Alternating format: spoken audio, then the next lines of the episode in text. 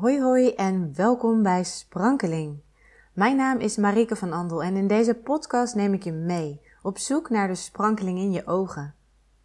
Sprankeling gaat over ongecensureerde gesprekken met je lijf en de helende kracht van de natuur. Ik deel persoonlijke verhalen met je waar ik zelf veel van leerde en waarvan ik weet dat jij er ook wat aan kan hebben. En vandaag wil ik een verhaal met je delen waar ik aan moest denken toen ik een tijdje terug in gesprek was met iemand. Ik had via Instagram gevraagd of er mensen waren die het leuk zouden vinden om met mij te delen wat zij leren als ze mij volgen en, en, en waar ik hen misschien mee zou kunnen helpen. En zo heb ik een aantal heel mooie gesprekken mogen voeren, waarin mensen ontzettend openhartig waren en met mij wilden delen wat, wat ze zagen in mij en ook wat bij zichzelf een worsteling kan zijn af en toe. Zo had ik een gesprek met iemand die vertelde dat hij mijn stories vaak inspirerend vindt. Wat hij me vertelde, dat hij zo inspirerend vindt aan eh, het volgen van mij, is de kwetsbaarheid en het laten zien dat het niet altijd goed gaat. En ja, dat vind ik heel belangrijk, want niemand is 24/7 alleen maar happy, happy, joy, joy. Nee, we zijn mensen met gevoelens en emoties en cyclische wezens ook nog eens. Als vrouw, maar ook als mensen, kijk maar naar de seizoenen. Ook wij worden meegenomen in, in de cycli van het ritme van de natuur. De seizoenen, dag en nacht, de maan. Alles, er is van alles om ons heen wat, ons, uh, wat, ja, wat ervoor zorgt dat wij in cycli leven. En dat betekent dus dat je niet altijd on top of the world kan zijn. En dat hoeft ook niet. Alleen is het wel zo dat wij om ons heen heel vaak het gevoel krijgen dat het wel zo zou moeten zijn. En dat als het niet goed met je gaat, dat mensen dan eigenlijk al heel snel het idee hebben van, oh, misschien moet ik even helpen of misschien moet er iets gebeuren omdat je je weer goed moet voelen. Want dat is de status quo. Iedereen moet blij zijn en zich goed voelen. En zo is het niet. En eerlijk is eerlijk, het is veel makkelijker en misschien ook wel leuker om verhalen te delen op het moment dat je blij bent. Maar dat, dat is maar een, een deel van de tijd zo. En de rest van je gevoel is net zo waar en net zo menselijk en net zo aanwezig en net zo herkenbaar.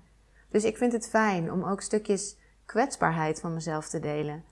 En ik vind het dus ook heel fijn dat juist dat wordt gezien en ervaren als inspirerend. Want je kwetsbaarheid laten zien is niet altijd heel erg makkelijk, is niet altijd vanzelfsprekend.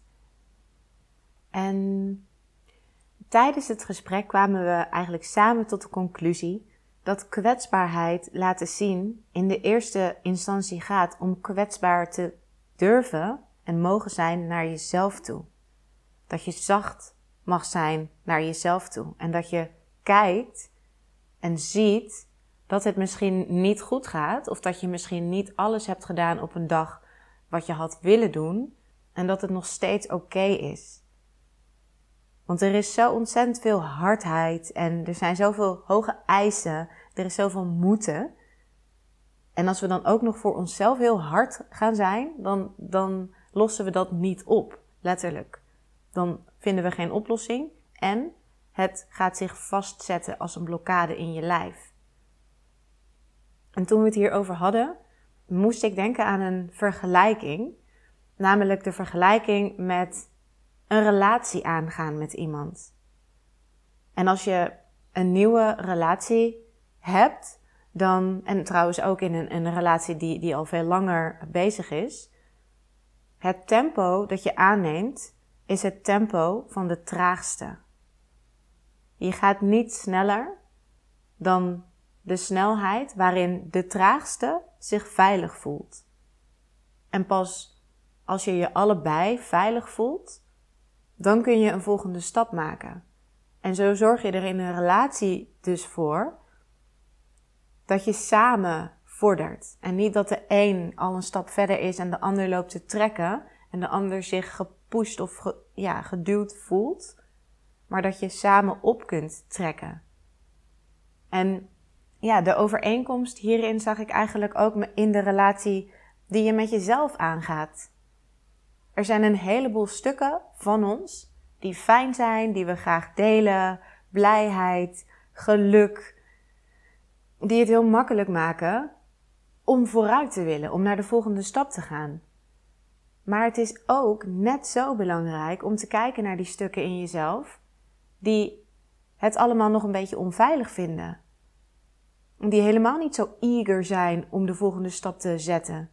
En die eigenlijk het liefst helemaal geen verandering willen. En die delen, dat kan gaan over angst bijvoorbeeld, dat zijn de delen in jou, dat zijn de trage delen. En als je vooruit wilt, als geheel, in een gezonde relatie met jezelf, dan zijn ook die delen belangrijk om mee te nemen. En om dat te doen, ja, is het belangrijk om in liefde te kijken naar al die deeltjes. Ook delen waarvan we het gevoel hebben, ja, hallo, uh, zo kan ik niet verder. Nu word ik echt onwijs tegengehouden en geblokkeerd. Ja, hoe vaak gebeurt het niet dat je zegt, mijn lijf werkt niet mee. Het, het gaat niet lekker. Maar is dat wel echt zo? Werkt, werkt je lijf echt niet mee? Of ben jij te ongeduldig om te zien wat er aan de hand is? En liefde en aandacht te schenken aan dat deel dat jou blijkbaar laat zien: hé, hey, ik voel me nog niet helemaal op mijn gemak. En als je daarnaar kunt kijken en daarbij aanwezig kunt zijn en misschien bijna letterlijk zou kunnen vragen aan dat deeltje in jou: hey, wat heb je nodig? Wat zouden we samen kunnen doen om ervoor te zorgen dat je het niet meer zo spannend vindt? En misschien gaat het dan wel over een stukje uitleggen aan jezelf. Van nou, dit is waar ik naartoe ga, dit zijn de stapjes die ik ga zetten. Eigenlijk is het einddoel misschien heel spannend, maar alle tussenstapjes nou, zijn herkenbaar. En wat is het ergste dat kan gebeuren? Nou, dat het niet lukt en dat we weer een klein stukje terug moeten. Dus dat, dat je gaat kijken van waar gaan we naartoe? En dat heel, ja, als aan een kind eigenlijk, heel simpel uit gaat leggen van, nou ja, dit is wat we gaan doen, dit is waarom ik het heel graag wil. En ik neem je graag mee. En als je dat deel van jezelf wilt meenemen in liefde en in zachtheid, dan heeft dat deel van jou het nodig dat je erbij kan zijn en dat je het kan zien.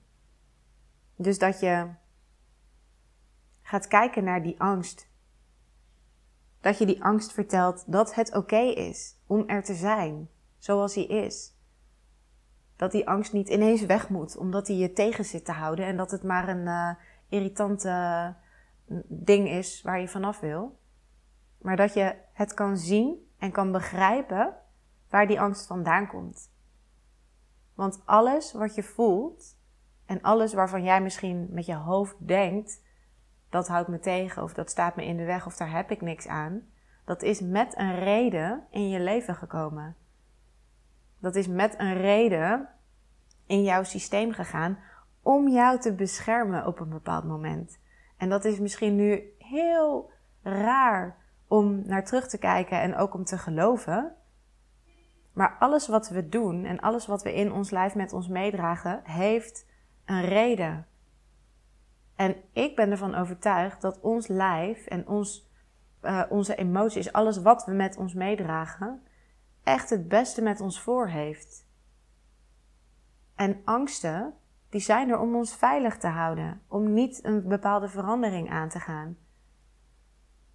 En als je dat kan zien en kan zeggen, ja, maar het is ook spannend. Je hebt ook gelijk, ik snap het. En toch wil ik je heel graag meenemen op deze reis. En dat was de vergelijking die er bij me opkwam toen het ging over kwetsbaarheid en over bij jezelf blijven. En dat het dus echt oké is als je langzaam gaat.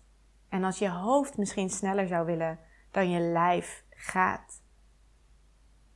Vraag dan eens bij jezelf af van hé, hey, is er misschien een stuk in mij dat ik liefde en aandacht mag geven? voordat ik keihard eraan ga trekken en eigenlijk een beetje doe alsof het niet bestaat of alsof het niet belangrijk is. Dus dat is een vraag die je jezelf mag stellen. Ja, en ook ik mag mezelf die vraag best wel wat vaker stellen. Ik mag best wel wat vaker stilstaan, vertragen, kijken naar mezelf, wat gebeurt er in mezelf en echt met een oprechte, liefdevolle blik kijken naar, naar wat er is waarvan mijn hoofd zou zeggen: ja, mm, irritant, je houdt me tegen. En daar met liefde naar kijken. Dus ik ben eigenlijk best wel benieuwd of je dat herkent en of er bij jou iets is waarvan je denkt: oh ja, daar zou ik wel met liefde en met zachtheid naar mogen kijken. En ik weet zeker, als je dat gaat doen, dan ga je veel sneller de vooruitgang maken, de ontwikkeling maken of dat spannende ding kunnen doen dan je nu denkt. Want nu eigenlijk zit je hoofd je lijf tegen te werken, terwijl je lijf signalen geeft van hé, hey, maar ik voel me nog niet veilig. En je hoofd zegt ja, je stel je niet zo aan. Dus ja, als je echt dat, dat liefdevolle gesprek met je lijf kan voeren, dan, dan ga je samen een heel stuk verder komen. En samen, met samen bedoel ik dus jij, je, je koppie en je lijf. Je lijf heeft jou zoveel prachtige dingen te vertellen. Dus ik ben benieuwd. Als je, als je iets gehoord hebt in deze aflevering en je denkt: oh ja, dat is voor mij uh, aan de orde, vind ik het super leuk als je me dat laat weten. En dat kan je bijvoorbeeld doen door mij een persoonlijk berichtje te sturen via mijn Instagram, dat is @jewildenatuur. En voor nu, dank je wel voor het luisteren. Ik hoop dat jouw gesprek met je lijf weer een heel klein tandje verder is. En tot de volgende keer.